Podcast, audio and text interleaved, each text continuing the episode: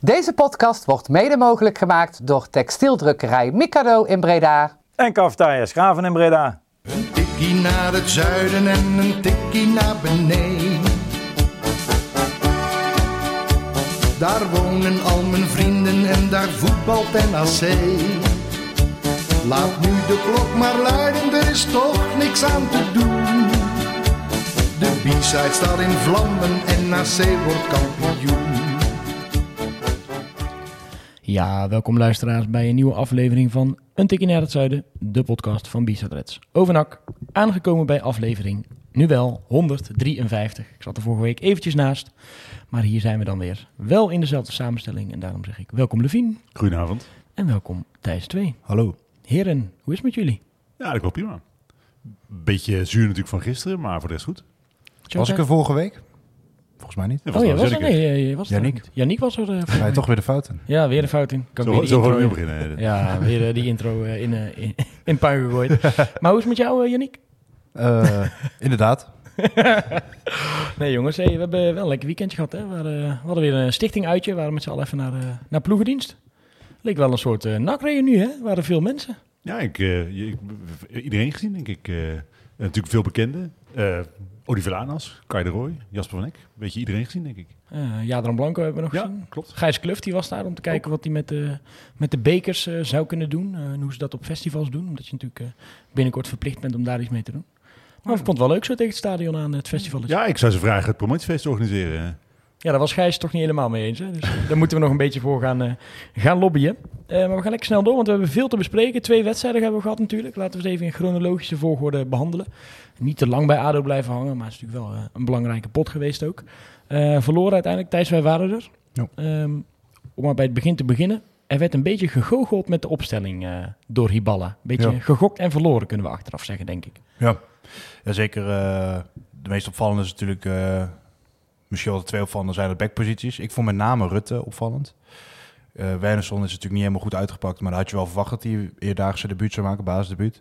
Maar vooral Rutte, en dan met name als je dan die Severina bezig ziet... dat was wel echt een, eh, een verrassing, zeg maar. En dat pakte echt totaal niet goed uit. Eh, Rutte vond ik tegen Heerenveen dan wel weer iets beter, de eerste helft. Maar met name tegen ADO zag je wel dat hij echt... dat is wel grappig, want wij spraken natuurlijk Lucas ook nog even na afloop. En die hadden ze altijd zelf ook niet helemaal zien aankomen. Maar die was in ieder geval wel blij dat hij dat kunnen laten zien. Dat hij wel, eh, volgens hem in ieder geval de baas thuis hoorde. Was jij verrast, Levine, toen je die opstelling eh, zag? Ja, zeker. Ik vond het met name verrassend dat eh, Lucas er niet speelde. Ik denk dat hij gisteren ook laten zien waarom hij wel de basis thuis hoort. Ja, dat is denk ik de man die tot dusver als zo'n beetje als eerste op het eh, wedstrijdformulier stond. Ja, ik vind hem, eh, we hebben het daar vaak over gehad, hè, dat hij in de eerste seizoenshelft eh, verdedigend eh, wat steeks liet vallen. Ik vind hem daar zeker beter in geworden. Aanvallend heeft hij natuurlijk sowieso, sowieso zijn bijdrage. Ja, tegen snelle spelers heb je natuurlijk veel meer aan hem dan aan slome spelers als Rutte. Ja, want je wordt En in de Wernersson trouwens, die ook heel erg tegenvalt, zijn snelheid. Ja, dat viel ook nog tegen. Daar gaan we het zeker ook nog wat uitgebreider over hebben. Maar zeker in die eerste helft, ja, de eerste vijf à tien minuten gingen nog wel. Maar daarna ben je eigenlijk aan alle kanten voorbij gelopen. Hè? Zeker op die vleugels, wat jullie al benoemen. We gingen zo hoog druk zetten. Ehm, de gegenpressing van Hiballa eigenlijk bijna tot, eh, tot de middenlijn. Maar dan werd je volgens aan alle kanten werd je, werd je voorbij gelopen. Wat heel veel kansen heeft opgeleverd voor ADO Den Haag. Zeker met een eh, kopsterke man als Verheid als aanspeelpunt. Ja, en ergens ben ik dan boos dat je eh, dit soort fouten maakt. Want ik denk, oké, je hebt toch na de winterstop, eh, ook met Lokhoff, gewoon prima resultaten geboekt. Waarom ga je dan opeens je hele elftal omgooien? Bijvoorbeeld Manzouzi ook opeens in de baas. Nou, dat snapte ik natuurlijk wel na zijn invalbeurt. Maar eh, ja, dat je dan zo goochelt met je opstelling, dat vond ik wel verrassend. En ook teleurstellend eigenlijk. Ja, ik vond het zelf een beetje hinken op twee gedachten. Want het is natuurlijk logisch, hij probeert wat te forceren bij een team... wat het eerste, de eerste seizoen zelf niet zo lekker heeft gedraaid. Je gaat daar keuzes in maken. Hij bedoelde zelf ook achteraf, ja, dat heb ik misschien niet goed gedaan. Eh, te, veel op mijn, te veel op mijn, gevoel, eh, op, mijn, gevoel gekeken. Maar ik vind dat hij daar gewoon een heel groot risico in neemt. Wat jij ook benoemt, ehm, het ging best goed qua resultaten sowieso. Qua spel hield het natuurlijk nog wel over, maar die positieve flow zat er wel in. Door dan nu zulke duidelijke beslissingen te nemen op cruciale eh, plekken in het elftal, ja, leg je wel gelijk een beetje dat hoofd een beetje op dat hakblok. En zeker als het dan zo, eh, zo uitpakt natuurlijk. Want Ja, dat hoofd op de hak- ja, het klinkt gelijk heel drastisch alsof hij alsof die weg moet. Maar ik bedoel, hij probeert iets te forceren. Nou ja, dat is natuurlijk, hè, want hij, hij heeft natuurlijk geen, enkel, eh, geen enkele tijd om echt met zijn el- aan zijn elftal te sleutelen. Hij moet dat in de competitie doen. Dus op zich, vanuit dat perspectief bezien, snap ik wel dat hij eh, met zijn opstelling eh, aan zijn opstelling sleutelt. Maar ja, ik denk, als je geen tijd hebt om te bouwen, bouw dan voort op wat er al gedaan is. En ik denk, iemand als Herman die in vorm is, natuurlijk valt er veel op zijn spel af te dingen. Maar hij is wel in vorm. Waarom zou je hem dan uithalen? Ja, daar wilde ik eigenlijk heen, want hij is natuurlijk de man van het moment. Het maakt niet zo uit hoe hij die bal meekreeg daarvoor, maar hij kreeg die bal altijd mee frommelde hem dan erin of wurmde zich langs spelers. Banzuzi precies hetzelfde. Jij zegt natuurlijk, ja, ik snap het wel naar aanleiding van die wissel. Hij viel goed in. Was natuurlijk wel een situatie waar een jong AZ al met een eh, rode kaart speelde. Kregen sowieso heel veel ruimte. Eh, en het beeld wat, nu een beetje, wat ik nu een beetje kreeg na afloop was dat Banzuzi weer een gebeten hond was. En dat je hem nooit meer moest opstellen onder de supporters. Ja, daarmee gooi je zo'n jongen wel een beetje weer onder de bus eigenlijk. Ja, en ik moet wel zeggen dat ik eh, ook na gisteren de reacties gelezen heb. En ik denk, oké, dit is de reden waarom ik meestal de reacties niet meer lees. Omdat Ja. er gewoon echt totale bullshit vaak tussen staat. Mensen zijn zo extreem boos of extreem blij. Er zit nul middenweg. En eh, eh, ik denk, Banzuzi natuurlijk, want jij was tegen ADO gewoon heel slecht. Daar valt niet zo op af te dingen. Hij heeft, eh, denk ik, tegen ADO laten zien wat hij in de eerste seizoen zelf ook heel veel heeft laten zien. Dat hij eigenlijk passief reactievoetbal speelt. Eh, maar ja, ik denk als je hem wel kietelt en je, laat zien wat hij tegen Jong AZ eh, laat zien, dan heeft hij natuurlijk wel het lijf voor een topsport. Hij heeft heel veel mee, waar, zijn leeftijd heeft hij natuurlijk mee, heeft heel veel mee, waardoor hij toch zou kunnen groeien tot een, tot een goede speler. Dus ik snap al dat je, je moet hem niet meteen afschrijven, je moet hem blijven investeren. Nee, ja, ik werd nog een beetje op mijn vingers getikt. Want die eerste vijf à tien minuten, wij zaten aan de, aan de lange zijde natuurlijk. En Banzuzi speelde aan die kant. En ik zei volgens mij na vijf of tien minuten tegen jou, Thijs, en de twitter ik ook. Zeg, joh, ik zie een hele andere Banzuzi dan die week hiervoor. Want het commentaar was vaak, hij loopt niet meer met zijn man. Hij ziet er zo energieloos uit. Nou, ik heb hem dus die eerste vijf à tien minuten gewoon vijf of zes keer echt volle bak sprints langs de zijkant. eh, eh, met zijn man meelopen, eh, zijn tegenstander geen ruimte geven. Ja, dat resulteert uiteindelijk ook dat hij dan een bal over de zijkant laat lopen, inderdaad. Eh, maar ik dacht wel iets anders te zien dan in die weken daarvoor. Ja, vervolgens werd het heel slecht. Dat heb ik dan ook alweer getwitterd, dat het daarna een stuk slechter werd. Maar ja, ik dacht wel iets te zien. Dus dan is het zonde dat het zo, zo uitpakt eigenlijk. Ja. Ja, en hij kwam, echt, eh, hij kwam echt uit op de rechtsbuitenplek, zeg maar. En daar is hij gewoon niet zo geschikt voor. Als hij rechtsbuiten begint en hij komt naar binnen zonder bal, zoals hij tegen Jong Z deed, of hij komt in de 16, dan, dan heb je er wel wat aan. Alleen nu stond hij echt rechtsbuiten. En dat heb je ook met Herman natuurlijk in de eerste seizoen zelf een paar keer gezien. Die twee gasten, als ze op die plek staan, moeten ze gewoon dicht bij de spits kunnen spelen. En soms lukt dat op gekke manieren, soms niet. En dan ja, ziet het er bij Manzouzi natuurlijk ook wel meteen heel eh, onbeholpen uit. Dan is het net alsof ik daar zeg maar loop. Iemand die helemaal niet weet eh, hoe het werkt op dat niveau. Terwijl ik denk als hij wat meer vanuit de as speelt, dat het echt wel, dat, dat, dat die lompigheid die hij soms heeft, juist ook wel kan werken, zeg maar. Maar wa- wat is nou zijn ideale positie? We hebben het daar volgens mij eerder over gehad. Is er nou meer een Paul Pogba of een Tammy Abraham? Ja, ik weet het nog steeds niet. Ja, ik denk een acht meer, toch? Ja. ja, ik vind hem zeker, waar het op NAC vaak op neerkomt, is eigenlijk de zes. Eh, dat is dan soms Agogiel eh of Plat. Die kreeg dan heel veel de bal aan de voeten. En de nummer 10, dat zie je nu ook bij Verlaners, is het oké, eh, jij bent de nummer 10, dus jij moet eigenlijk alles doen aan de bal. En dat, daar is hij nog niet zwaar genoeg voor, denk ik. Ik denk dat hij dan op 8 het, beste in, zijn, in zijn element komt. Al vond ik de kritiek wel gepast op hem, dat hij natuurlijk niet altijd eh, het snot voor zijn ogen liep in het verleden. En, en als je dat al niet doet, ja, dan blijft er heel weinig over. En is zijn handelingssnelheid op dit moment niet gewoon te laag voor zo'n cruciale positie in het centrum van het veld? Ligt er als je een beetje kan, kan rennen en, en duels aangaan, dan maakt het niet zoveel uit. Maar mo- moet je hem op 10 de bal in zijn voeten spelen, dat hij mag zeggen van nou, ste- steek jij maar een buitenspeler weg, ja, dan, dan absoluut. Dat is gewoon nog niet, eh, nog niet, daar is nog niet klaar voor maar, op dit moment. nee. Ibala gaat dan ehm, eh, ja, ingrijpen in de rust. Eh, wisselt op drie plekken. Hij brengt... eh, Vier Mac- zelfs, toch? In de rust vier? Oh. Vier. Hij brengt eh McNulty, hij brengt eh Lucassen, hij brengt Kite en Antonia.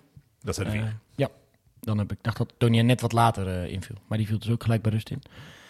Eh, Vandaar... vandaar... Herman bij rust en Antonia wat later. Ja, oh, oké. Je krijgt wat, eh, wat meer grip op de, op de wedstrijd eigenlijk. Ehm, creëert, ook, eh, creëert ook wat kansen. Antonia die uiteindelijk nog invalt. Die viel heel goed in, vond ik, tegen ADO Den Haag. En die geeft uiteindelijk natuurlijk echt een messcherpe voorzet waaruit, eh, waaruit de 2-1 komt. Goed hard. Precies tussen de penalty stip en, eh en Ja. de 5 meterlijn in. was een veelbelovende inbal, invalbeurt, vond ik. Ja, en gisteren weer, hè? Er is weer zo'n eh, enorm strakke voorzet op uh, Omerson, tweede helft, waar een grote kans uit komt. Ja, dat, dat, met zijn voorzet is niks mis. Ja. Hij, als hij fysiek eh, eh, eh, niet weer tegen problemen aanloopt, ja, dan denk ik dat hij heel snel aanspraak maakt op veel meer speelminuten.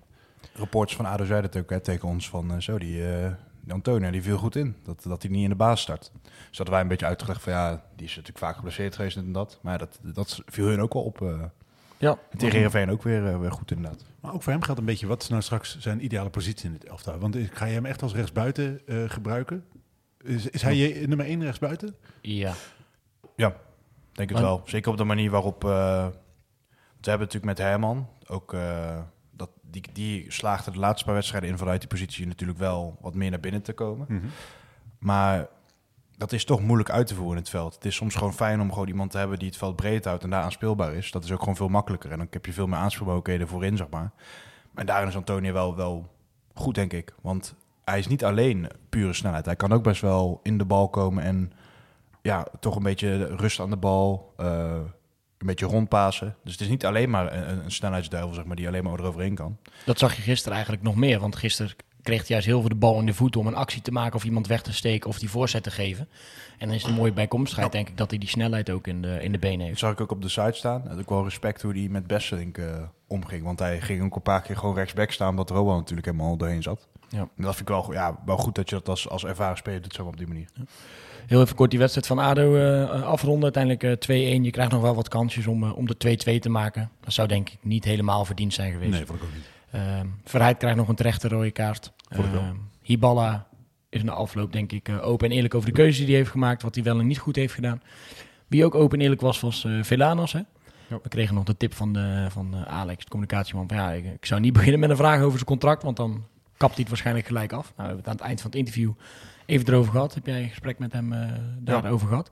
Hij was best wel open, vond ik, over het eh, doen en laten van de gesprekken die er eventueel of niet zijn. Ja.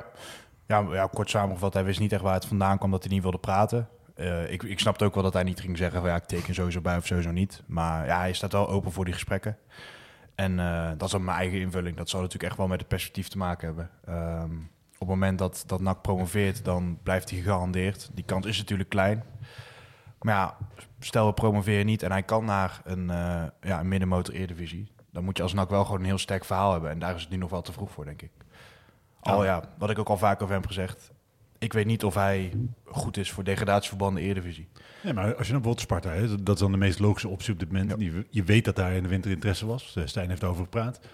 Eh, als, als je daar kan tekenen, dan, dan doe je dat toch meteen. Zij zijn op dit moment een, een heel stabiele eh Eredivisieclub die Ja, uitzicht hebben, zelfs, ja, precies, uitzicht hebben op Europees voetbal. Dan is het toch op alle mogelijke manieren een positieverbetering. Net zoals het voor La- Olij er ook een super logische keuze was om naar Ja. eh, Sparta over te stappen.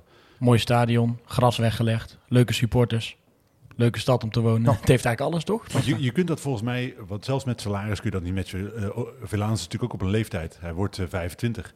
Eh, nog nooit Eredivisie gespeeld. Hij moet op een gegeven moment die stap maken. Ik denk dat hij echt niet wacht. Nou, nee, zeker. En dat, dat vergelijk met Olij is inderdaad makkelijk gemaakt. Alleen ik vind wel bij hem... Sparta doet het nu heel goed. Maar Verlaan is natuurlijk totaal niet geschikt voor degradatievoetbal... waarin je heel erg op veel op je eigen helft staat. En daar denk ik dat hij wel kritisch in moet zijn... naar welke club hij zou kijken. Maar als je dat zegt, hè, dan is het er ook niet geschikt voor eh, bij NAC blijven na promotie. Want dan ga je ook degradatievoetbal spelen normaal gesproken. Ja, alleen hier is hij wel al gearriveerd en een beetje de man, zeg maar. Dat, dat is het enige verschil. Alleen, ja, hoe vaak zie je niet dat zo'n jongen dan naar de Eredivisie gaat en het daar ook net niet redt? Kijk naar al die gasten van Heracles, die Hansson, Lausen. Het zijn allemaal jongens die het in de KKD naar begrip altijd goed doen en in de Eredivisie toch, toch wel lastig hebben. En gisteren natuurlijk ook. Hè. Ik vond hem gisteren erg onopvallend. Hij was, was niet eh, de dominante Velaan als die eh, bijvoorbeeld tegen Jong AZ wel zag. Ja, ja tegen Adem vond ik hem ook niet... Ik vind hem sowieso niet heel dominant. Dat is natuurlijk ook al vaker besproken. En dit seizoen eh, zit hij al in de dubbele cijfers. Is, is eh, de MVP van NAC. En het is ook niet zo dat wij eh, wedstrijden domineren en dicteren dit seizoen. Sterker nog, ik denk dat we ook best wel vaak vanuit, eh, Ja. vanuit de omschakeling en vanuit de counter... Iets doelpunten een beetje de vraag waar ik naartoe wil. Is, van, is hij überhaupt geschikt voor de Eredivisie? Eh, Ja, dat weet ik niet. Lastig. Ik denk dat het heel erg vergelijkbaar is met... eh is Alalucci geschikt voor de Eredivisie? Ook iemand die in de KKD de laatste jaren... Of in ieder geval het laatste jaar bij NAC natuurlijk uitstekende cijfers overleggen. Nog beter dan Mats Seuntjes deed. En bij Mats Seuntjes had iedereen wel het idee van... Nou, bij AZ, dat, dat kan wel goed komen, zeg maar. En bij dit soort gasten is dat toch lastiger. Kijk, eh, dat is ook weer zoiets. Verlanen staat met 10 op zijn rug, aanvoerdersband. Hij speelt ook op 10. En heel veel mensen verwachten daardoor dat hij eh, ja, als een soort Messi of Ronaldinho zeg maar, het, het team op sleep te nemen. Maar dat type speler is hij totaal niet. Je moet, eh, je moet hem gewoon eigenlijk twee of drie keer per wedstrijd in stelling brengen. En dan geeft hij een assist of een doelpunt. Maar je moet niet verwachten dat hij echt, ja, echt het, het, het, ja, het team op sleeptouw neemt in die zin. En dat was bij El natuurlijk eigenlijk ook wel vergelijkbaar. Had ook veel rendement vanaf die linkerkant. Maar het was niet dat hij nou heel het team per se op, op sleeptouw nam. Dus met goede voetballers om hem heen zou het goed kunnen werken, denk ik. En dat andere moet je nog even Ja. zien. Ja, hij heeft letterlijk nog niet op dat niveau geacteerd. Dus Nee. ik vind het ook lastig Ja. om, eh, om te zeggen. Maar ik heb er wel vanuit NAC-perspectief wel vrede mee dat hij een beetje onzichtbaar is. Ik, ik, ik verwacht dat ook niet meer van hem, zeg maar ik, ik denk niet dat hij zo'n type speler is. Zo'n eh, nummer 10 die... eh, en, en in dat kader kun je zeker afvragen van, eh, is het Eredivisie materiaal? Dat, eh, dat, dat moet nog blijken. Ik denk Nou, dat we dat sowieso wel gaan zien na dit seizoen. Want ik denk, hij heeft bij Utrecht natuurlijk ook nooit de kans gekregen. Nee. En dat is ook niet voor niets. Hè? Als hij speelt, heeft er jarenlang in Jong Utrecht rondgelopen. Er zijn bij Utrecht breken volgens mij relatief sowieso weinig, weinig spelers door als je kijkt naar andere clubs. Ja, Boussaïd is natuurlijk nu doorgebroken. Nou ja, maar je hebt ook, ook je hebt, met Verlanen stond altijd die Mitchell van Rooij op middenveld. Eh, vond ik toen ook altijd heel goed. Die speelt nu al drie seizoenen bij VVV en, en lijkt ook nog niet helemaal... eh, dus ja, ik weet niet... Utrecht is ook niet de makkelijkste club, denk ik. Ik vind het wel interessant dat jij dat zegt, Levine. Want als je ook kijkt naar de... Vandaag hebben we een artikeltje eh, online gezet over de speelminuten van tieners in de KKD. Eh was uitgezocht door Bart Vrouws van Voetbal International. En dan zie je dat NAC naast de jongploegen op plek 2 staat als het gaat om gebruik van tieners ehm, in, de, ehm, in de KKD. Als het gaat om speelminuten. Dat was nog lastig om een artikel over te schrijven en een kop bij te bedenken. Want ik dacht, NAC en de Graafschap gebruiken, me gebruiken de meeste tieners. Ik moest even kijken hoe, hoe ik dit nou goed op de website ging krijgen. Ehm, als je dan kijkt naar de jongploegen, dat is best wel opvallend. Als je ja. kijkt naar die doorstroming. Jong Ajax heeft 17.500 minuten aan minuten voor tieners gebruikt. Eh, Jong PSV eh, bijna 14.000. Jong AZ bijna 14.000. En FC Utrecht net iets meer dan 7.000. Dus die gebruiken sowieso relatief weinig spelers die echt heel jong zijn. En het komt omdat die doorstroming daar natuurlijk inderdaad niet heel groot is. Dus je gebruikt echt veel spelers van 20, 21.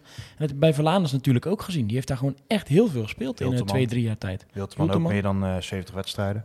Laten wij toch zo zeggen, het niveau bij, Jong, U- bij FC Utrecht, Ja, de eerste elftal ligt lager dan bij de eh, andere eerste elftallen Ja. van, eh, met jong teams. eh, jong PSV, jong AZ, jong Ajax. Dan zou je zeggen dat het instroomniveau veel hoger is.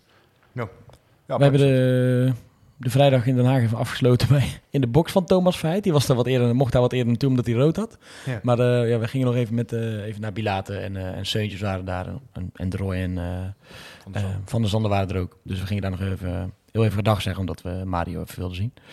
En even met Ralf zitten kletsen. Maar die heeft goed onderhandeld, jongen, die Verheid. Want die heeft gewoon in zijn contract op laten nemen dat hij vier keer per jaar daar de partybox open mag stellen. En er stonden het er Ja. allemaal hoor. Matsu Matsu was er. En nou, het was één grote Een eh, selectie van, eh van ADO. Ah, maar ik, weet je, eh, eh, Verheid past perfect bij ADO Ja. natuurlijk. Hè. Ik, vind het, het- ik vind het echt een mooie vent. Ja. Ik vind het een lul van een speler om tegen te spelen, omdat hij het vaak goed doet tegen NAC. Het is natuurlijk een, een echt ka- karakter, maar ik vind het een mooi vent. Echt een mooie vent. Wat mij opviel bij Verheid is, eh, dat, dat is echt een blok beton. Dat slaat er nergens op. Want Ralf en Heb je aan Bila- hem gezeten? Nee, nee, dat, maar gewoon... Heeft hij aan jou gezeten? Nou, hij, wil, hij, wil, hij liep achter me langs. Toen voelde ik wel even wat... eh, ja, nee, de, de jonkers zijn ook een trek eh, bij ADO. Maar, eh, nee, maar die vent is echt heel breed. Echt nog twee keer zo breed als Bilaat. En dat is natuurlijk al best wel een... eh, Ja, maar het is toch vet. Je zou hem normaal gesproken toch op een of ander vaag festival tegenkomen. Dat is een Ja. beetje zo'n zo'n uitstraling heeft hij toch? ja. ja, nee, er waren best wel wat... Ik heb wel het vermoeden dat wat mensen die in die box stonden, dat je die ook wel op festivals tegen kan kopen. komen. En kopen misschien ook wel.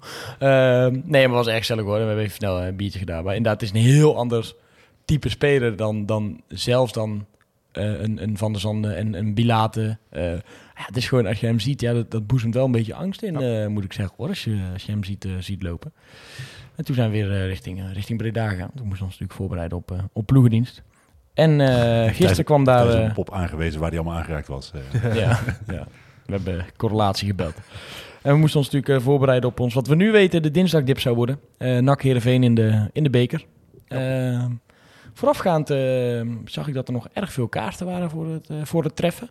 Maar toen het eh eerste fluitsignaal eenmaal ging, dacht ik, oh, er zijn toch nog wel- best wel wat kaarten verkocht. En eh, ja, de sfeer was best oké, vond ik. Ja, ik las daar vooraf ook wat mensen over die zeggen... ja, het is gewoon belachelijk hè, dat je niet komt naar zo'n wedstrijd. Ik denk, het is om negen uur op een dinsdagavond. Er zijn zat mensen die woensdag moeten werken... of die kinderen hebben of weet ik veel wat. Het Ik was snap wel. qua parkeergeleden natuurlijk ook niet van het allemaal. Nee, dat, eh, dus ik, ik vond, dat, ik vond inderdaad alles is meevallen.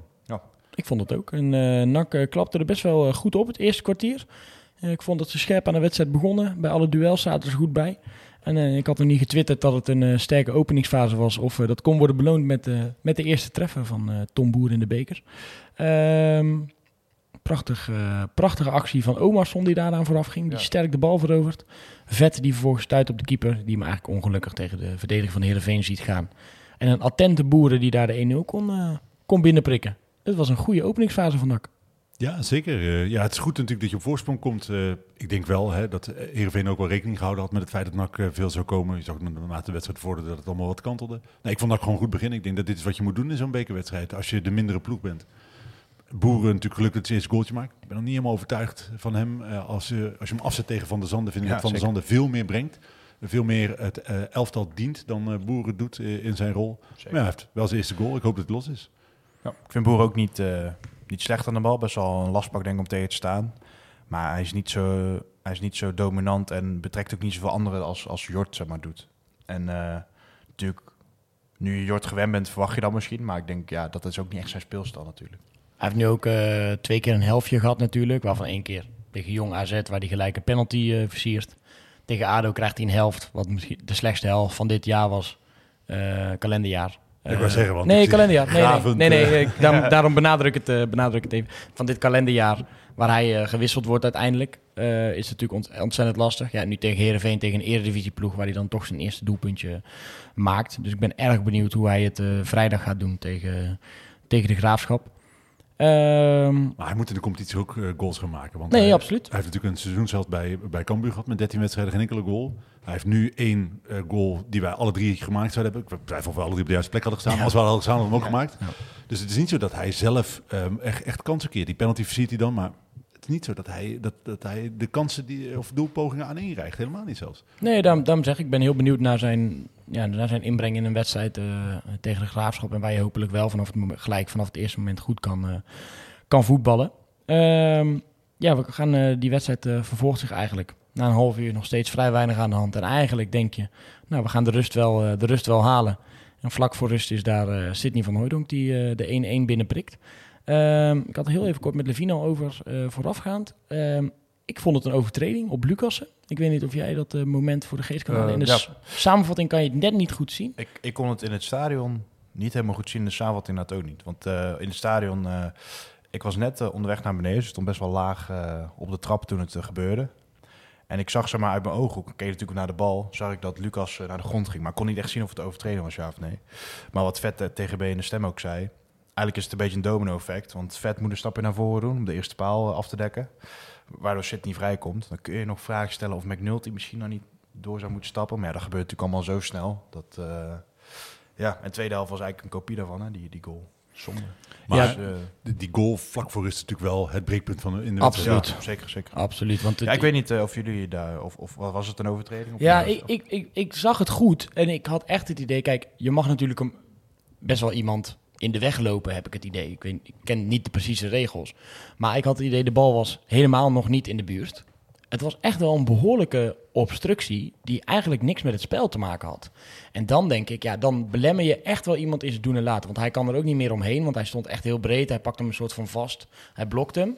Ja, dan blijkt het toch echt een cruciaal moment Ja. te zijn in zo'n aanval. Dan denk ik, ja, Ja, dat is wel gewoon, eh, volgens de regels zou dat dan echt obstructie zijn. ja het was, nou, daar, is ik, vond het, gewoon- ik vond het obstructie. Ja, scheids was overduidelijk niet op de hand van NAC eh, gisteren. Dus Zo. eh, andersom Dat, had hij eh, waarschijnlijk wel gegeven. Anderzijds, ja, dat is dan natuurlijk niet eh, een, een excuus of zo, maar misschien wel een reden. Als het zo ver van de bal af gebeurt, dan ziet hij het misschien ook niet. Nee, maar hij zag gewoon in niet. Dat wel. Ik vond En het hij ook zag een, dingen die er niet waren. Ja, ik Ja, vond het ook ver van de bal. Die bal wordt natuurlijk die bal wordt gegeven vanaf de middenkant door, door Haaien. Ja, het, het spel gaat zich daar naartoe verleggen. Dat is wel of je, of je grensrechter moet het zien, want die zit toch op die lijn Ik te kijken. die- of die vierde official moet het zien, want je, die, die staat er alsnog dichterbij. Dus iemand zou het eigenlijk wel moeten zien. Er was geen VAR. Nou, prima, die bal gaat erin. Ehm, eh, Van Hooijdonk die, eh, die scoort. Ehm, we gaan de rust in. En eigenlijk inderdaad vrij snel na de, na de rust prikt hij ook nog eh, de 2-1 binnen. Je zegt identieke goal. Ik vond wel eh Nunnely de beste man van het veld, denk ik. Maar hij ging wel heel makkelijk langs, langs N- McNulty. Ja, nee, maar in die zin, ehm, natuurlijk in de eerste helft door omdat Lucas op de grond lag. Maar als jij op, ehm, op zo'n manier de 16 in kan lopen met alle rust, alle tijd, dan is het voor zo'n Van Hoorn ook heel makkelijk. Dan maakt hij gewoon loopactie en dan ben je als verdediger altijd te laatste bij een reactie. Ja. En het gebeurt eigenlijk twee keer. Eén keer door eh, overtreding op Lucassen en de andere keer door de fout van McNulty. Wat op die, dat moment wel heel risicovol was om zo... eh, ja, eh, komt hij gewoon de 16 ingewandeld met alle tijd van de wereld. En in die zin vond ik het wel vergelijkbare goals. En dan wordt het ook snel afgestraft, zie je wel. Maar die bal, die moet toch altijd over de zij- of achterlijn. Die moet je toch gewoon raken als verdedigers op de achterkant. Ja, en dat is een beetje met McNulty. Hij maakt dit soort fouten. Een jonge verdediger. Eh, Wild. ja, wild. Dat is het beste, de beste beschrijving. Hij zit tegenovergestelde van, van zo'n Veldhuis of Besseling... die eigenlijk soms een beetje te, te lak zijn, niet, niet echt in durven te grijpen. En bij McNulty zou ik af en toe zeggen van... eh, nou, zo kun je natuurlijk over iedereen wel wat zeggen... maar hou, blijf een stapje vanaf, weet je wel. Ga niet elke keer als, als een bezopen gast erin. Ja, het is alles of niks, hè. Bij ADO was het eigenlijk alles. Want Bij- elke tackle die hij tegen ADO maakte, was 100% raak. Zij, was echt eh, nergens meer inderdaad. zeiden we tegen elkaar. Hij glijdt in, hij blokt die ballen. Ja, en nu blokt hij hem niet en is hij ook helemaal vertrokken. Ja, en ik heb liever iemand als McNulty dan iemand als Veldhuis. Dat is eh, wel 100% zeker. Ik hou van verdedigers die... eh, ja, ik hou van harde Die veel tackles. fouten maken. Nee, maar dat- ik hou van hele harde tackles. Ik hou van hard Ja. ingrijpen. Ik hou van mannelijk spel. Maar hij kost nu wel al veel doelpunten. Ja, maar dat is, het is een hele jonge verdediger. Dit is zijn eerste seizoen als profvoetballer. Eh, en ik denk, hè, we hebben het daar veel eerder over gehad. Als je een speler huurt, moet hij direct staan. Nou ja, deze staat er niet. Eh, we hebben, het is natuurlijk ook eh, dat hele gedoe rond Villanas van gaat naar bijtekenen, moet je hem nou opstellen. Ik denk, ja, dat geldt natuurlijk ook voor deze verdedigers. Voor Veldhuis, voor McNulty. Ga je die jongens overnemen? En zo niet, dan moeten zij dan eigenlijk nog wel spelen, ja of nee? Ja, toch vind ik persoonlijk dat dat vel. Ik ben ook misschien meer van het type McNulty, maar ik vind het Veldhuis misschien nog wel iets meer laat zien, zeg maar. Dat hij er misschien nog wel iets meer klaar voor is. Ja, maar ik vind dat McNulty meer potentie heeft. Dat ja, is- alleen, Het is veel wilder, eh, maar er zit in principe meer in dan in Veldhuis, wat mij betreft. alleen bij McNulty is wel ook op salarisbasis wel om eh, vanaf het begin dat hij kwam de vraag tegen stad of hij haalbaar zou zijn. En daar heb ik nog steeds wel mijn twijfels over. Want er zal niet veel veranderd zijn. Hij heeft nog steeds hetzelfde salaris wat hij wil of gaat verdienen. Het is natuurlijk een Ja. interessante speler. Hij is gratis na dit seizoen. Maar ja, aan de andere kant... Hij is hij zit, gaat aan dit seizoen? Is nooit zijn contract af? Volgens mij wel. Of was dat eh, Fabio? Dat weet ik niet zeker. Maar aan de andere kant, eh, zoek het even. Aan de andere kant denk ik ook, ja, hij zit hier nu dan iets meer dan een half jaar. Hij krijgt veel de kans. Je ziet dat hij nog niet heel veel brengt eigenlijk. Dat, dat moet iedereen zien. Dus is hij dan nog wel zo onhaalbaar als dat we aan het begin dachten? Dat zijn natuurlijk ook vragen die, eh, Ja, die gesteld kunnen worden. Ja, Eh, als ik de technisch man zou zijn, ik zou mijn best doen om McNulty vast te leggen. Want ik denk op het moment dat, je daar, als, dat hij twee, drie jaar nog bij je speelt, dat hij veel stabieler wordt. Eh, niet voor de basis wellicht, maar ik zou wel mijn best doen om hem vast te leggen. maar dan moet hij niet veel geld verdienen. Nee, nou goed, dat is natuurlijk eh, als ik eh, een Spaanstalige ier was, dan zou ik ook gewoon zeggen, doe mij uh, Het was Fabio inderdaad. McNulty loopt nog één jaar verder door. Nou, dan eh, lijkt die eh, discussie redelijk eh, zinloos. Ehm, van Oorlog maakte ze 2-1. Eh, ja, hij ging een beetje juichen. Daar eh, vinden mensen dan eh, soms iets van, en soms niks. Ik denk... Bij de eh, tweede. Of? Ja, bij de tweede. Ja, nou dat was niet helemaal juichen, want eh, hij heeft best wel wat gezeik gehad bij Heerenveen. Hij heeft echt heel veel... eh, hij was natuurlijk ehm, best wel populair in Heerenveen, zeg maar. En toen is hij eh, teruggegaan naar Bologna en toen wilden ze hem opnieuw huren. Nou, is allemaal goed gegaan. En dit seizoen presteert hij echt stukken minder, waardoor de Heerenveen-aanhang een beetje tegen hem keert. Ook als je voor de grap een keer op Twitter zou kijken onder Heerenveen, van speelt Sydney nou weer, Eh, ze snappen het echt niet. Dus het was meer een beetje handen bij zijn oren van... eh, ja, Ja, maar dat speelt natuurlijk hetzelfde als bij ons. Hè. Als je een speler huurt, moet hij wel meerwaarde hebben. Mhm. Als hij geen meerwaarde heeft, waarom huur je hem dan? Storen jullie dan aan zoiets in het stadion? Dat hij juicht? Ja? Nee, natuurlijk niet. Nee, ik ik denk, eh, hij speelt voor eh Heerenveen. Hij, heeft twee, hij beslist die wedstrijd voor ze. Dan zou ik ook juichen. En eh, omdat hij zich bij de eerste goal onwijs ingehouden heeft, neem ik hem ook niet kwalijk. Nee, ik ook niet. Hij staat ook niemand te provoceren. Hij staat voor een leeg vak I richting het uitvak. Dan denk ik, ja, prima. Ja. Ehm, daarna niet echt hele grote kans meer voor NAC op die ene bal van Antonia na, die die prachtig op Omerson eh, legt. Hij dit wel beter af kan maken, denk ik. Ja, hij, hij kiest ervoor om eigenlijk heel zacht met de binnenkant te raken. Eh, terwijl ik denk, doe je ogen dicht en eh, vlammen. Nou, hij is bij uh, Omerson, zijn speelstijl is wel een snelle conclusie. Hij kleurt wel altijd een beetje binnen de lijntjes, zeg maar. En daar is dit ook wel iets van. Hij denkt van, nou, ik pak hem met de binnenkant, dan is hij op goal. Maar er waren ook al een paar kopballetjes van NAC die een beetje hetzelfde hadden, vond ik. Ja, wat ik dus heel erg... Dan zit je zo te kijken op zo'n wedstrijd en dan komt bijvoorbeeld nog een bal op... Inderdaad, een bal op eh, Boeren volgens mij en eentje op Herman, nog. Ja. Nou, je ziet, wij zien het allemaal, er is geen VAR, maar je ziet iedereen die handen in die rug zetten en ruimte voor zichzelf creëren om die bal te koppen. Maar op het moment dat jij dus al iemand een zet geeft, naar achter valt en dan nog zelf moet springen eh, op vijf meter, ja, dan ga je nooit heel veel kracht achter die bal krijgen, want die, die voorzetten waren ook niet heel strak. Dan denk ik, als je dan toch zo slim wil zijn om dat duwtje te geven, Ja, neem en te- neem hem dan even aan. Want dan denk je dat je voor jezelf tijd creëert. En met die half slappe kopballetjes, ja, daar, daar ga je het gewoon niet mee, eh, niet mee redden. Hij floot overigens in één keer voor die, eh, voor die duwtjes, terwijl die best wel opzichtig waren. Misschien dat hij denkt, nou, het is goed afgelopen. Eh, het meest opvallende moment van die scheidsrechter vond ik toch wel die, eh, die bal op eh, linksachter. Waarin, eh waarin Nak eigenlijk de bal heeft. We kunnen gaan aanvallen. En hij fluit voor een hoofdblessure bij Tom Haaien. En vervolgens zegt hij, ja, Heerenveen de bal. En Heerenveen die gaat ook eh, rustig verder. Ja, heel apart. eh. Je Ja, hebt niet... het- Een klassieke hondenlul. Ik Ja. kan, ja, dat is, daar- daar passen oude scheldwoorden bij. Dat is gewoon, het, Ja. het was een waardeloze scheids, vond ik. Vond ik ook.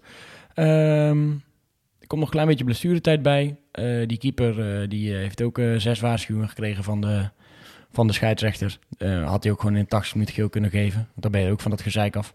Ehm, gebeurt niet. En dan is het volgens mij minuut eh, 92. En dan vliegen er een biertje of 15 richting de keeper. Toch heel even kort die discussie hier. Ehm, ik vind het persoonlijk, los van of je bier wil gooien of niet, vooral heel dom op het moment dat je het doet. Want je hebt al weinig tijd. Eh vorige keer tegen FC Eindhoven hebben we gezien wat zo'n laatste minuut eh, toch nog teweeg kan brengen. Ja, dit kost gewoon extra tijd natuurlijk. Ja, tuurlijk. Het is inderdaad dom. Want je weet dat de keeper er alles uithaalt. Dat zou ik zelf ook doen. Je probeert, eh, hij was al natuurlijk al bezig met tijdrekken. Dan gaat hij dit natuurlijk aangrijpen om nog eens een minuut te snoepen. En dat merkt hij ook, want de scheid vloot eigenlijk volgens mij strak op 94 minuten af. Ja, de- die tijd die je daar dus verliest, die heb je ook niet meer teruggekregen. Nee, want ik dacht eerst nog even, hij fluit voor een vrije trap voor NAC op de middenlijn. Want hij de eerste hand omhoog. Ik denk, oh, we mogen nog een, een vrije trap nemen. En daarna floot hij af. Ik denk, ja, dat zul je zien. eh, dat is die halve minuut die we nu, eh, die we nu de Sjaak zijn. Ja, maar dat is altijd hè. Dat, eh, als je, daarom vond ik bij het WK het op zich wel aardig dat je met zuivere speeltijd eh, eh, speelt. Want je ziet eigenlijk altijd dat dit soort dingen veel meer tijd kosten dan je ervoor krijgt in, aan blessuretijd. Ja, en zelfs op het WK, dat eh, was zo'n statistiek, dat alle wedstrijden waarin er 10 minuten of meer extra tijd bij was, was het alsnog niet meer dan 40 minuten speelde in totaal. Dus je komt er zelfs dan nog niet aan. Je hebt het nu Eh, toch ook gezien in Nederland bij eh Feyenoord PSV. Was er heel veel te doen. Want Ja. Makkeli gaf negen minuten. Nou, daar heeft NOS een heel klein explainertje van gemaakt waarom daar negen minuten waren. En het was eigenlijk nog te weinig. Ja. Dus, eh, Ja, dus je ja. zelf gisteren in de vingers. Dat is gewoon, eh, ja, en het is natuurlijk zonde voor je portemonnee en zonde voor je maag. Het is op alle mogelijke En manieren zonde. Ja, dus Ja. Ehm, na afloop nog eh, van Hooydonk en Hooydonk eh voor de camera. eh, interviewtje. Ja, de- sommige mensen storen zich daaraan, net als het juichen. Sommige mensen niet. Ehm, ik vind het prima. Ja, Eh, kijk, er weet staat daar een vader en er staat er iemand van de RVC. Het is logisch dat hij trots is op zijn zoon die de twee gemaakt heeft. En eh, logisch dat hij baalt als RVC-lid toch. Als je de eh, interviews eh, in de aanloop naar de wedstrijd las, dan eh, zegt Sidney ook van ja, weet je, op, jij werkt super hard op dit moment voor NAC. Dat zegt hij natuurlijk ook wel. Ik snap ook dat hij eh, wel zijn vader een beetje helpen. Eh, maar ik geloof dat wel. Ik geloof echt dat Van Hooydonk zich op dit moment, vader, senior dan, zich Mhm. echt heel erg inzet voor NAC. Ja, dan mag hij er als vader trots zijn. Hij baalt natuurlijk als, eh, als NAC-supporter, als NAC-vertegenwoordiger van het feit dat je club verliest. Maar ja, als vader, zeker voor als je zoon het niet zo heel makkelijk heeft in Heerenveen, natuurlijk ben je blij voor hem. Ik, ik zou het heel raar vinden als hij daar met een enorme six zou staan en zijn zoon uit zou schelden. Ja. Ja, Er kwamen ook reacties van ja, hij zit te juichen voor, na, voor de, op de tribune voor zo'n zoon. Dat kan toch niet? Nou, ik heb die beelden gezien.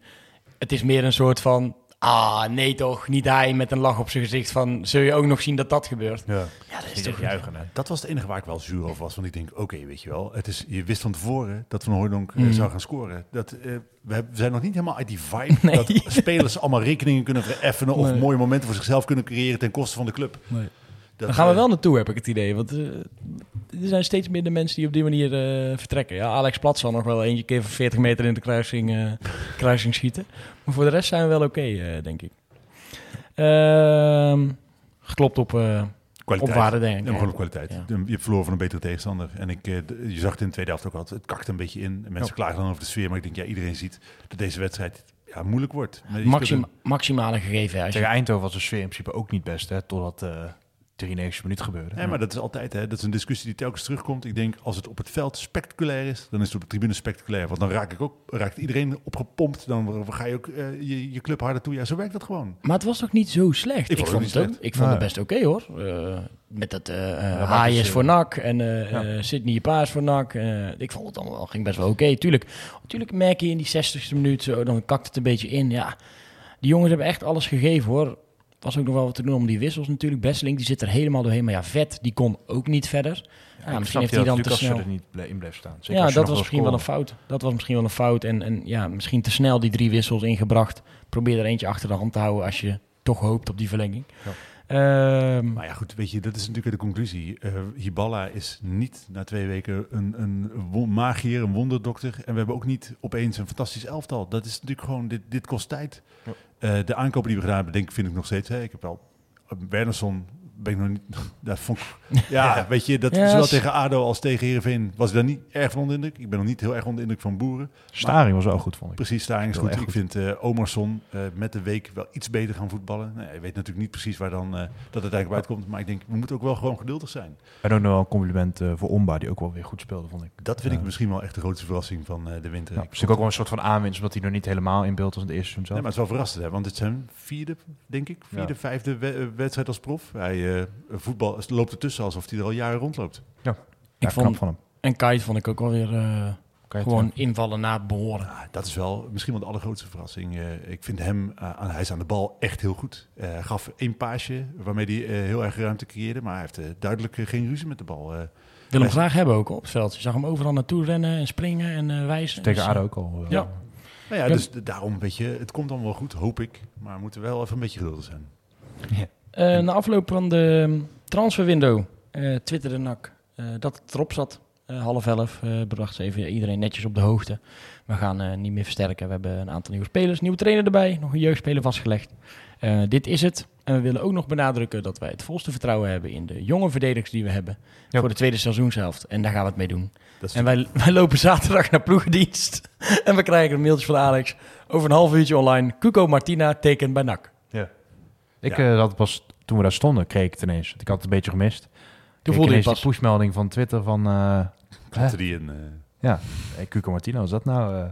ik vond het heel random, wel grappig. Ik heb toen aan iedereen die iets van voetbal weet, heb ik ook die goal tegen Arsenal laten zien. Ik weet niet of je daar bekend mee zijn. Nee. Anders ook nou, een... eh, verrassend natuurlijk, weet blijkbaar niks van voetbal. Van voetbal Nee, ja. Nee, gewoon mensen. Ja, ik ga niet aan een random omstander laten zien van hé, hey, NAC heeft een nieuwe speler, Martina. Dus eh, ik had wel een beetje de mensen uitgezocht, zeg maar. Ook eh Kai de Roy even eh, laten zien van hé, hey, hij komt hè. Maar nee, dat is een grapje. Maar, eh, nee, ik zal hem zo even aan jullie laten zien. Ook voor de, voor de kijkers, als je, of de kijkers, als je de luisteraars. Als je intypt op eh, YouTube Cuco Martina versus Arsenal, dan eh, krijg je hem. Ik denk als je hem ziet dat je het wel herinnert. Dat was wel een hele mooie goal. Oké. En een Eh, verrassend dat hij ook eh, zo snel weer aansloot. Ja, hij zat gelijk bij de wedstrijdselectie. Hij heeft een half jaar eh, eigenlijk geen club gehad. Ja. En eh, eh, zijn laatste wedstrijd, hebben we net even opgezocht, was voor eh Curaçao in september. Ehm, Ja. Zat hij ook zonder club, maar was hij gewoon aanvoerder en heeft hij 90 minuten gemaakt. Hij heeft natuurlijk wel een ja, op, opvallende carrière. Ook opvallende naam trouwens. Ik heb even zijn naam opgezocht. Zijn volledige naam is Ru Antley Aurelio Jean Carlo Martina. Eh, afgekort, Cuco Martina. Laatste club waar hij zat was Go Ahead Eagles. Eh, daar eh, kwam hij mee. eh, ja, kwam hij eigenlijk bij terecht toen zij in de Eredivisie zaten. Heeft toen wel een aantal wedstrijden ges- gespeeld, maar is toen eh, geblesseerd eh, geraakt daarna. Ehm hij zat nu een halfjaartje zonder club al. En nu mag hij eh, zich bij NAC een beetje gaan optrainen en eh, hopelijk snel wat laten zien op het, eh, op het veld. Ja, ik was wel verbaasd. maar hij heeft bij Go Ahead Eagles ook heel snel zijn debuut gemaakt nadat hij getekend heeft. Hij heeft eh, blijkbaar, eh, toen had hij meer dan een jaar niet eh, in clubverband eh, gevoetbald. Eh, blijkbaar is hij heel goed in staat om zichzelf toch best wel fit Ja. te houden. Ik zag op Instagram ook best wel wat video's dat hij eh, flink aan het werk was met een eh, personal trainer. Dat kan Ja. marketing zijn om jezelf te verkopen, maar misschien eh, is het ook gewoon Hij heeft iemand ook een die- eigen logo en zo. Dus hij is sowieso wel sterk en dat soort... Dik. eh, Ik wil ook een eigen logo. Maar wat, eh wat Go Ahead fans op Twitter, eh, die wa- waren wel positief ook over. Omdat hij in korte tijd toch wel belangrijk was geworden. Eh, mits dat hij fit blijft natuurlijk, dat is wel een puntje. Ja, hij heeft gewoon wel eh, best wel wat Premier League ervaring. Is daar niet onomstreden basisspeler geweest, maar Vooral Wel. de slipstream van Koeman natuurlijk eh, een paar mooie clubs gehad. Southampton, Ja, Everton gespeeld. Eh, toen nog een verhuurd aan Feyenoord, Stoke City nog volgens mij. Stoke City. Eh, daarvoor nog bij eh, RBC, RKC en Twente heeft hij natuurlijk gezeten. Het enige wat ik, wat ik me, en dat vroeg ik me afgelopen zaterdag ook al af. eh, hij is natuurlijk in het grootste gedeelte van zijn carrière rechtsback geweest. Eh, je haalt hem nu als centrale verdediger. Ik denk, dat, dat vind ik op zich apart. Want hij kan natuurlijk wel als eh, centrale verdediger spelen. Dat heeft hij een aantal wedstrijden gespeeld in zijn carrière. Maar het is natuurlijk van nature geen centrale verdediger. Hij heeft wel lengte volgens mij 1,85. Ja, is wel wat langer. Maar is het dan logisch dat NAC bij hem uitkomt? Ja, ze, ze schijnen dus in hem de man te zien die die verdediging moet gaan leiden volgend, eh, volgend jaar. Ehm, Kijk naar ja, zo'n ik- Jeffrey Fortes. Die speelt ook eigenlijk heel zijn carrière rechtsback. En die is nu ook centraal verdediger. Gebeurt een beetje met de leeftijd, denk ik ook. Dat denk ik ook, ja. Ik denk dat, die, dat je op een gegeven moment gewoon verplaatst van... ehm, Ja, als, als misschien eh, bij zo'n Martina het fysiek en de snelheid allemaal wat minder wordt, dat je dan na- naar het centrum vuist. Ja, er zit natuurlijk wel iets meer risico aan dan, eh, dan dat. Alleen aan de andere kant is het ook wel knap dat je dat, stel het werkt wel, dat je dat durft te doen zo op die manier. Want ik denk wel dat zijn cv, ja, het, het spreekt mij wel heel erg aan. Ik denk dat dat wel iemand is die... eh, je wilt natuurlijk hoe dan ook kort, kort termijn promoveren. Hij is 33. Dat je wel je, je selectie, zeg maar, voor de komende twee seizoenen gewoon echt een boost geeft. Het is natuurlijk niet een naam waarmee je echt vooruit kan in, op de lange termijn, denk ik. Dus je weet het natuurlijk nooit, maar... Dus ja, ik, ik zie dat op zich al voor me. En het, eh, hij is zeker niet uniek in ieder geval in het, va- in het geval dat hij van rechtsback naar centraal gaat. Als je kijkt bijvoorbeeld naar die Fortes van de Graafschap waar ik het dan over had. Maar hij Eh, gaat Malone van- in principe. Is natuurlijk ook eh, niet begonnen als... eh. Ja, maar heel even, als je dan Dion Malone aan, aanhaalt, dat was ook geen doorstaand succes. Geen, Nee, nee, nee. Maar het is, zie wel dat het... Ik vond Malone in ieder geval bij NAC beter centraal dan op het eh, middenveld of rechtsback. Hij gaat eigenlijk ehm, van centrale verdediger is hij uiteindelijk rechtsback geworden. Want aan het begin van zijn carrière heeft hij veel, veel als, eh, Hm. of, als centrale verdediger gespeeld. Of in ieder geval een aantal wedstrijden bij RKC, bij Twente ehm, in de Eredivisie. Een paar bij Southampton en in zijn periode bij Feyenoord toen, ehm 18, 19. Uiteindelijk daar 54 wedstrijden gespeeld. Eh, maar inderdaad, veel meer wedstrijden bij, ehm, eh, als rechtervleugel, eh, als rechtervleugelverdediger. Dus ook toen hij bij, eh, bij Go Ahead zat, heeft hij daar voornamelijk zijn, ja. zijn wedstrijden gespeeld. Dus, dus ja, het, het is opvallend, maar misschien heeft hij daar hele goede gesprekken over gehad. Heeft hij gezegd, ja, ik kan ook als centrale verdediger. En misschien, ja, Hiballa doet Maar- het gisteren ook. Misschien wil hij ook wel weer met die drie man gaan spelen. Dan is het lekker dat je er iemand hebt staan. Dat, dat, die, dat rare statement dat we zoveel vertrouwen hadden in onze verdedigers, wat natuurlijk idioot is, want we hebben de slechtste verdediging ongeveer van, Ja. de, eh, van de KKD. Dat is gewoon zo, als je kijkt naar een aantal tegengoals, dat, dat valt gewoon niet omheen. Daar kun je, kun je gewoon niet omheen. Ik vond, het, ik vond de communicatie goed, hè, dat je zegt, nou, het is, het is klaar, we zijn klaar. Maar het is een en, idioot eh, statement. Nou ja, je hoeft niet te zeggen dat je... Ja, je, hoeft, je, je hoeft het niet te benoemen. Je kan, ook- je kan ook het niet benoemen. Dan Nee, is niemand die zegt, waarom zeg jij niks over de verdedigers? Maar goed, dat Maar hebben ze uiteindelijk... eh, Dan heb je dus nu Martina gehaald. Ja. Eh, Vet speelde gisteren weer natuurlijk eh, centraal achterin. Eh, als jullie dan naar jullie ideale eh, achterhoede gaan kijken, dan neem ik aan dat daar, althans bij mijn ideale achterhoede, staan daar zowel Vet als Martina. Ik zet er niemand anders neer.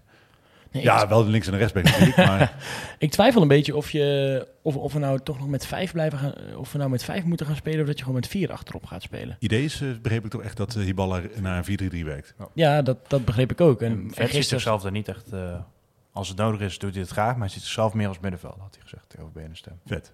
Ja. Ja. dus ik, ik zou zelf misschien toch Martina en, en Veldhuis doen. Of Martina en McNulty. En dat ligt er echt aan wat, wat voor type Martina is. Daar heb ik nu niet een supergoed beeld bij. Maar ik ben nog steeds overtuigd dat als jij... Kijk, Kees Luik was ook niet de beste verdediger. Maar die speelde met Botteguin, weet je wel. En ik denk als je Veldhuis naast iemand zet die hem verdedigend op de juiste plek kan zetten... en ook veel werk bij hem weg kan nemen... dat dat echt wel nog potentie in zit, zeg maar. Maar moet je nu investeren in een jongen waarvan je eigenlijk weet, hij heeft, er is natuurlijk een koopoptie in zijn contract opgenomen bij Veldhuis. Eh, in principe een koopoptie die alleen gelicht wordt als je promoveert. Nou, dat is een kleine kans dit seizoen. Ja. Mhm. Moet je dan investeren in een jongen als Veldhuis? Of moet je dan zeggen, ja, Bestlink, met al zijn uh, tekortkomen op dit moment als jonge speler, die moet je uh, de kans geven? Ik, ik vind op dit moment sowieso Luc Marijnissen verder dan Bestelink. Um, Zijn ze het er nog niet mee eens, hè? Ja, dat blijkt inderdaad. Dus uh, dat is, uh, daar moet ik ze even over bellen, denk ik. Hij speelde wel gisteren goed, hoor, vond ik Bestelink.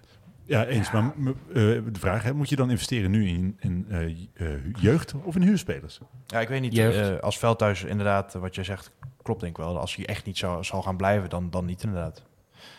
Um, nee, dan niet. Dan, dan is inderdaad, ja, in mijn optiek Marijnissen beter. Maar Bestelink kan natuurlijk ook. Ik denk alleen dat dit geval ook cruciaal is uh, hoe belangrijk Petri Balla het vindt om een rechtspoot en een linkspoot in zijn verdediging te hebben. Ja, Bestelink uh, en, Bestelink en uh, Marijn zijn natuurlijk allebei geen linkspoot. Nee, dus ja. dan, dan ga je kijken naar... Dan, vet ook niet. Dus als je met Martina... Ja, Martina vermoedelijk ook niet als rechtsback. Nee. Maar, nee, vet, maar dan, vet, ja. gaat niet, vet gaat niet spelen op middenveld, toch? Dat weet ik niet. Denk ik niet. Ik bedoel, hij gaat niet op die plek van Staring. En ook op Giel. 10 gaat hij ook niet spelen. uh, ben ik toch wel met iedere wedstrijd meer fan van. Hoor. Ik Daarom. vind hem echt Ja, goed. Het is echt goed, ja. Vet lijkt me gewoon, als hij al het niet aan kan, zeg maar, conditioneel. Hij, hij, zegt dat ook vandaag tegen de stem. We moeten, tenminste gisteren zei hij het, maar we moeten als collectief fitter worden. We moeten daar binnen mee bezig zijn. Je merkt aan hem ook dat hij dat ook lastig vindt. Want gisteren valt hij ook weer uh, uit. Hij is natuurlijk al een aantal keer geblesseerd geweest. Ja, die gaat nu nooit dat gegenpressing op dat middenveld heel die wedstrijd volhouden. En Alko Giel zie ik Ja. dat best doen. En een Verlanas en een Staring. En ik vind hem, uh, een, van, ik vind hem een van onze beste verdedigers. Ja. Het maakt me niet uit wat hij leuk vindt. Nee, maar ja, Nee, nee, zeker, zeker. En uh, nou goed, ik zou dan misschien wel voor Martina en uh, Vet gaan. En dan uh, Rowan misschien als eerste, als eerste invallen. Linkse back. Ja, Ja, Ja. Maar, ja, maar dat is toch tricky, weet je wel. Want je haalt Wernersson. Uh, dit, McNulty denk ik. Oké. Ik denk wel toch Wernersson dan. Maar- dat, dat dat niet... eh, Als we met vijf zouden spelen, zou ik wel Wensen. Is het zo dat Wernersson nu wat, wat ritme mist, wat, wat, wat niet helemaal fit is? Ik of las is hij gewoon niet zo goed? Ik las de, denk best, het ging namelijk op Twitter, was er wel een goede discussie over hem. Van nou, eh, is het nou een flut aankoop of nog niet? Moeten we hem de tijd geven? Nou, uiteindelijk was de algemene conclusie, was dat, nou, geef hem nou nog even wat tijd. Want inderdaad ook slechte helft gespeeld tegen, tegen ADO. En dan nu viel hij in. Nou, tegen Jong AZ gaf hij dan wel een goede assist. En ik weet ook niet welke andere speler tegen Severina beter had gedaan. Nee, precies. Dus dat ook nog eens. Net als, net als met Boeren natuurlijk, die dan een wedstrijd tegen ADO speelt. Ja, dat, daar krijg je gewoon geen kans. Alleen eh, de reactie van, eh van Kwek van eh Breda Loco's, dat was ja, ik snap allemaal wel wat jullie zeggen. En hij moet misschien even de tijd krijgen om te landen. En om op zijn plek te, op zijn plek te komen. Maar daar word je niet per se sneller van. En toen dacht ik, ja, daar zit wel echt wat in. Want als je hem over het veld nu ziet lopen, denk ik, wow, je bent geen eh Becky die even zes keer per wedstrijd volle bak jouw tegenstander eruit sprint en die voorzet geeft. Nu weet ik ook niet per se of McNulty dat is, maar dat oogt in ieder geval wel anders. Nee, ik denk nog niet dat je daar het beste van hebt gezien, van Wernersson. Ja, hoop ik. Dat hoop ik sowieso Dat niet. hoop ik, voor hem, ja. Ja, dat, ik weet niet, maar op jouw eerder vraag hoe, hoe dat dan komt, ritme of... eh, maar ik denk dat er wel veel meer in zit, want hij is in, in Zweden wel Hmm. juist bekend als iemand die juist wel eh, echt een drang naar voren heeft en ook wel bijdraagt aan het, eh, ja, aan het aanvalspel met assists en doelpunten. Ik heb dat nog niet helemaal gezien, maar hij heeft het gewoon wel met, met bijvoorbeeld met Göteborg was het wel gewoon echt een, ja, een vaste waarde op die plek en ook op die manier. Laten we hopen dat we nog eh, het beste van hem niet hebben gezien. Eh, misschien wel aanstaande vrijdag, want dan mogen we alweer. Het is, eh, we denderen lekker door met, met de NAC-trein. NAC de Graafschap, altijd een mooie affiche, denk ik. Als de, ja, ik zeg nog altijd, vrienden uit uh, Doetinchem langskomen. Denk ook bijzonder potje voor eh Ralf Seuntjes. Al op de tribune zit, denk ik. Verliefd bij, bij beide clubs. Ehm, twee clubs die eigenlijk niet lekker draaien. Wij staan nu volgens mij 11e, zij 13e. Ja, we Eh, moeten winnen. Zoveel is duidelijk. Hè. Dat was tegen ADO Den Haag natuurlijk eigenlijk al zo. Zij zijn wel de gasten die eh, boven ons staan op die eh, ranglijst als het gaat om het gebruik van eh, Ja. tieners in de, in de KKD. Ehm, ik ben erg benieuwd, want ik ben best wel enthousiast na gisteren als het gaat om inzet, als het gaat om die, die felheid die we hadden. Als we dat weer neer kunnen, leggen, neer kunnen leggen tegen de graafschap, heb ik er best wel wat vertrouwen in. Jullie? Eh, eens, maar eh, daarbij dus wel echt aangetekend. Er moet gewonnen worden. Je kunt wel eh, roepen, dat heeft die ballen natuurlijk beloofd hè, naar ADO. We gaan hoe, dan ook de play-offs halen. Je hebt niet heel veel tijd meer te verliezen wat dat betreft. Je moet punten gaan pakken.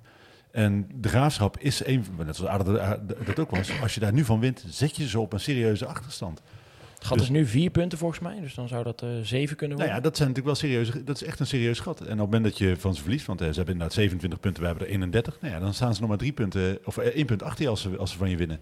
Als je een eh, serieuze eh, gooi wil doen naar die, naar die play-offs, dan zijn de komende drie wedstrijden gewoon heel cruciaal, denk ik. Eh, zouden eigenlijk negen punten moeten zijn. Je krijgt een graafschap op bezoek. Vervolgens ga je zelf naar Jong Utrecht en moeten we tegen Dordrecht. Nou, ook omdat je daarna natuurlijk hè, wel een reeks wedstrijden hebt waar eh sterkere tegenstanders komen. Dus het zijn ook de wedstrijden waar je, waar je punten moet pakken.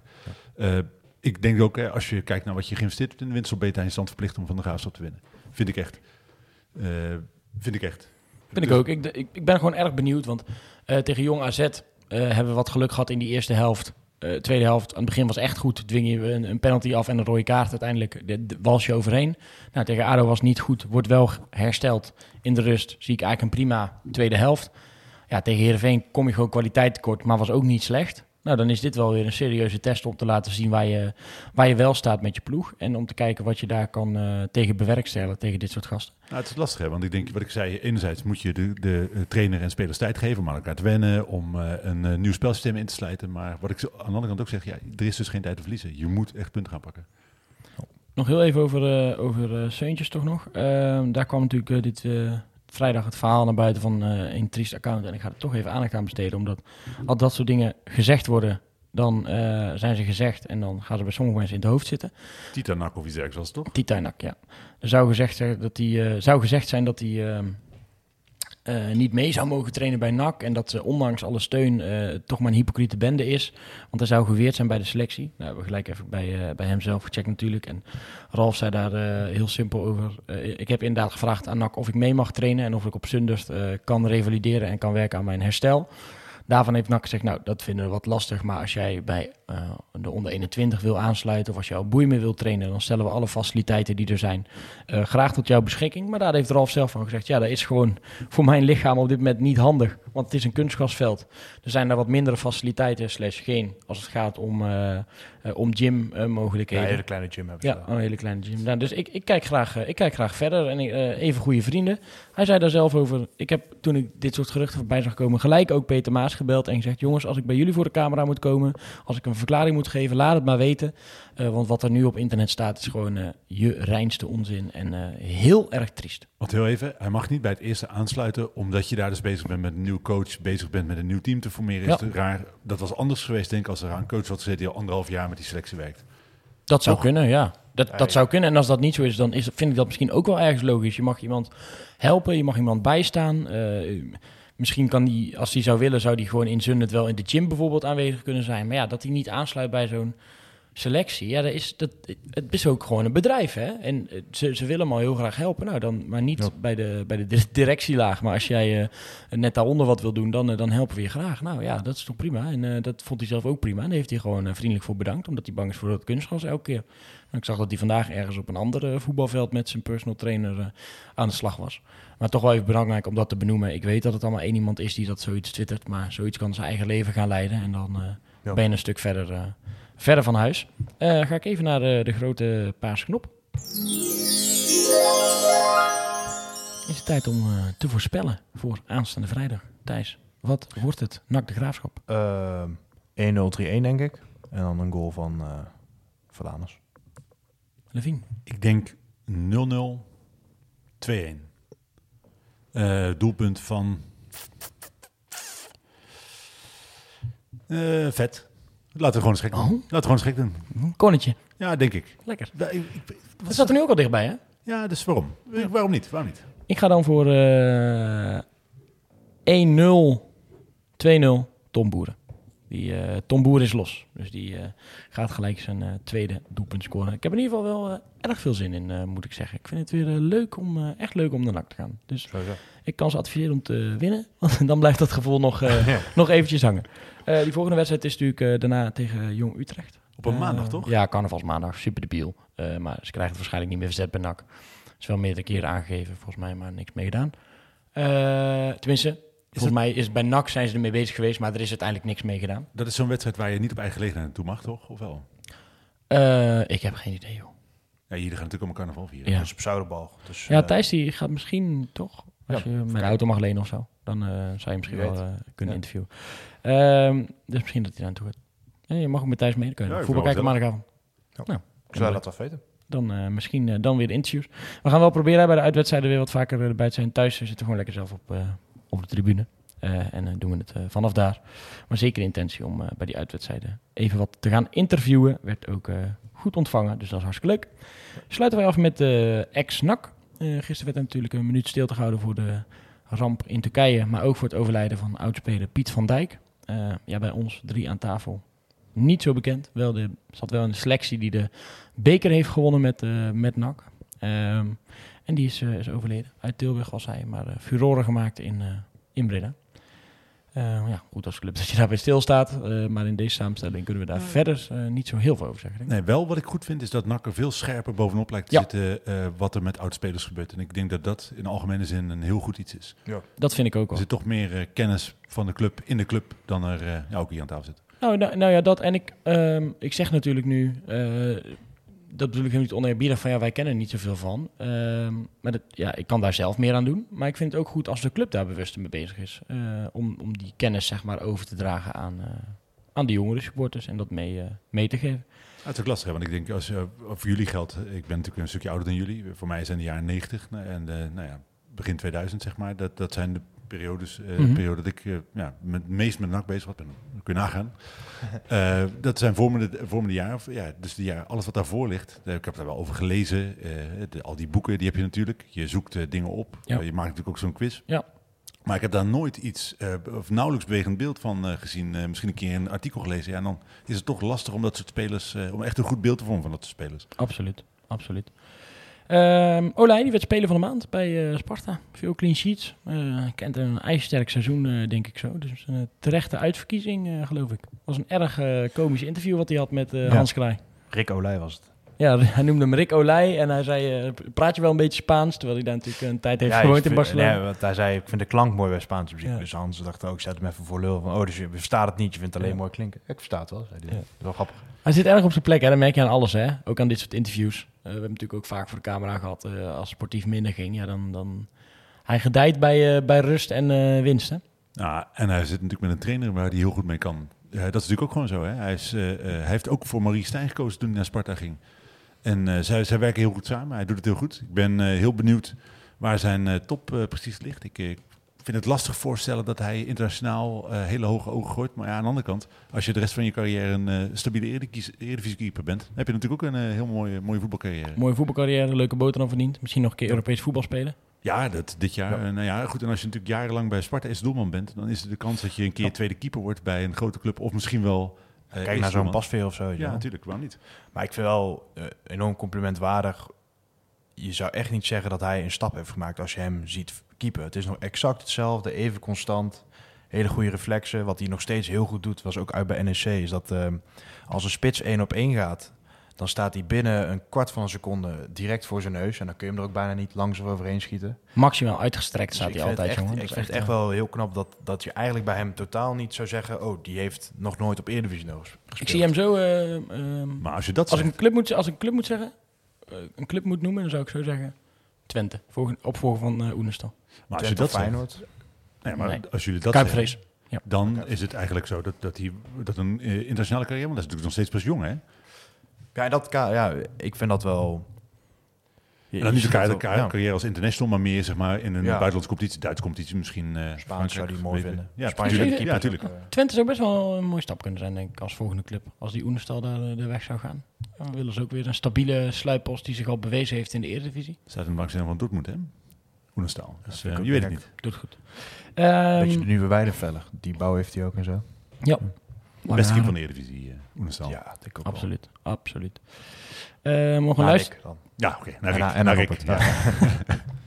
nog een luistertip. Eh, Kevin Brands, die zat eh, dit keer in de bus bij eh Fresia en eh, Milan. Heel openhartig over wat hij heeft meegemaakt met, eh, met zijn ziekte.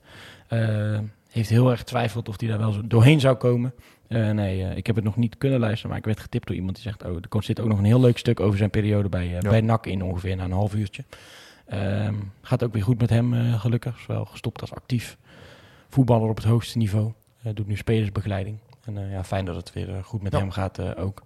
Vandaag eh, gekeken. Zeker leuk. Sowieso, ik vind dat sowieso, en sowieso altijd wel leuke gasten. Ja, en, en ook soms dus helemaal een beetje los van de activiteit, zoals brand. En soms zitten ze heel kort op die actualiteit. Dus dat is wel een leuke, leuke afwisseling. Eh, ja, ik, ik probeerde het net nog even te zoeken, Livie, maar ik kon het niet vinden. Maar Edwin de Graaf, die, eh, daar zei jij van, die, ja, jij las dat die ook weer eh, toch weer goed kleine week geleden eh, heeft hij eh, verteld dat hij ook helemaal schoon is. Eh, dus dat hij eh, wat dat betreft ook weer heel gerust in het leven staat en vooruit kan kijken. Dit is allemaal eh, mooi nieuws voor, eh voor oud-nakkers in een week waar de voetbalwereld natuurlijk ook een beetje werd eh, opgeschokt door, eh, door het slechte nieuws van, eh, van Thijs Slegers. Eh Heeft wel veel mooie, mooie acties opgeleverd als het gaat om eh, nieuwe donoren als, eh, als stamcel. Ehm, ja, in dat opzicht zijn voetballers maar net, eh, net mensen. En is het soms pittig wat je voor je kiezen krijgt. Ehm, maar gelukkig voor veel oud-nakkers in ieder geval mooi nieuws. En laten we hopen voor de, voor de rest ook. Ik wil jullie bedanken, heren, voor de, de podcast. En ehm, ja, vrijdag mogen we weer naar NAC. En ik denk dat wij aanstaande maandag weer terug zijn met een nieuwe tikkie naar het zuiden. Bedankt voor het luisteren, luisteraars. En tot de volgende keer. Een tikkie naar het zuiden en een tikkie naar beneden. Daar wonen al mijn vrienden en daar voetbalt NAC. Laat nu de klok maar luiden, er is toch niks aan te doen. De B-side staat in vlammen en NAC wordt kampioen.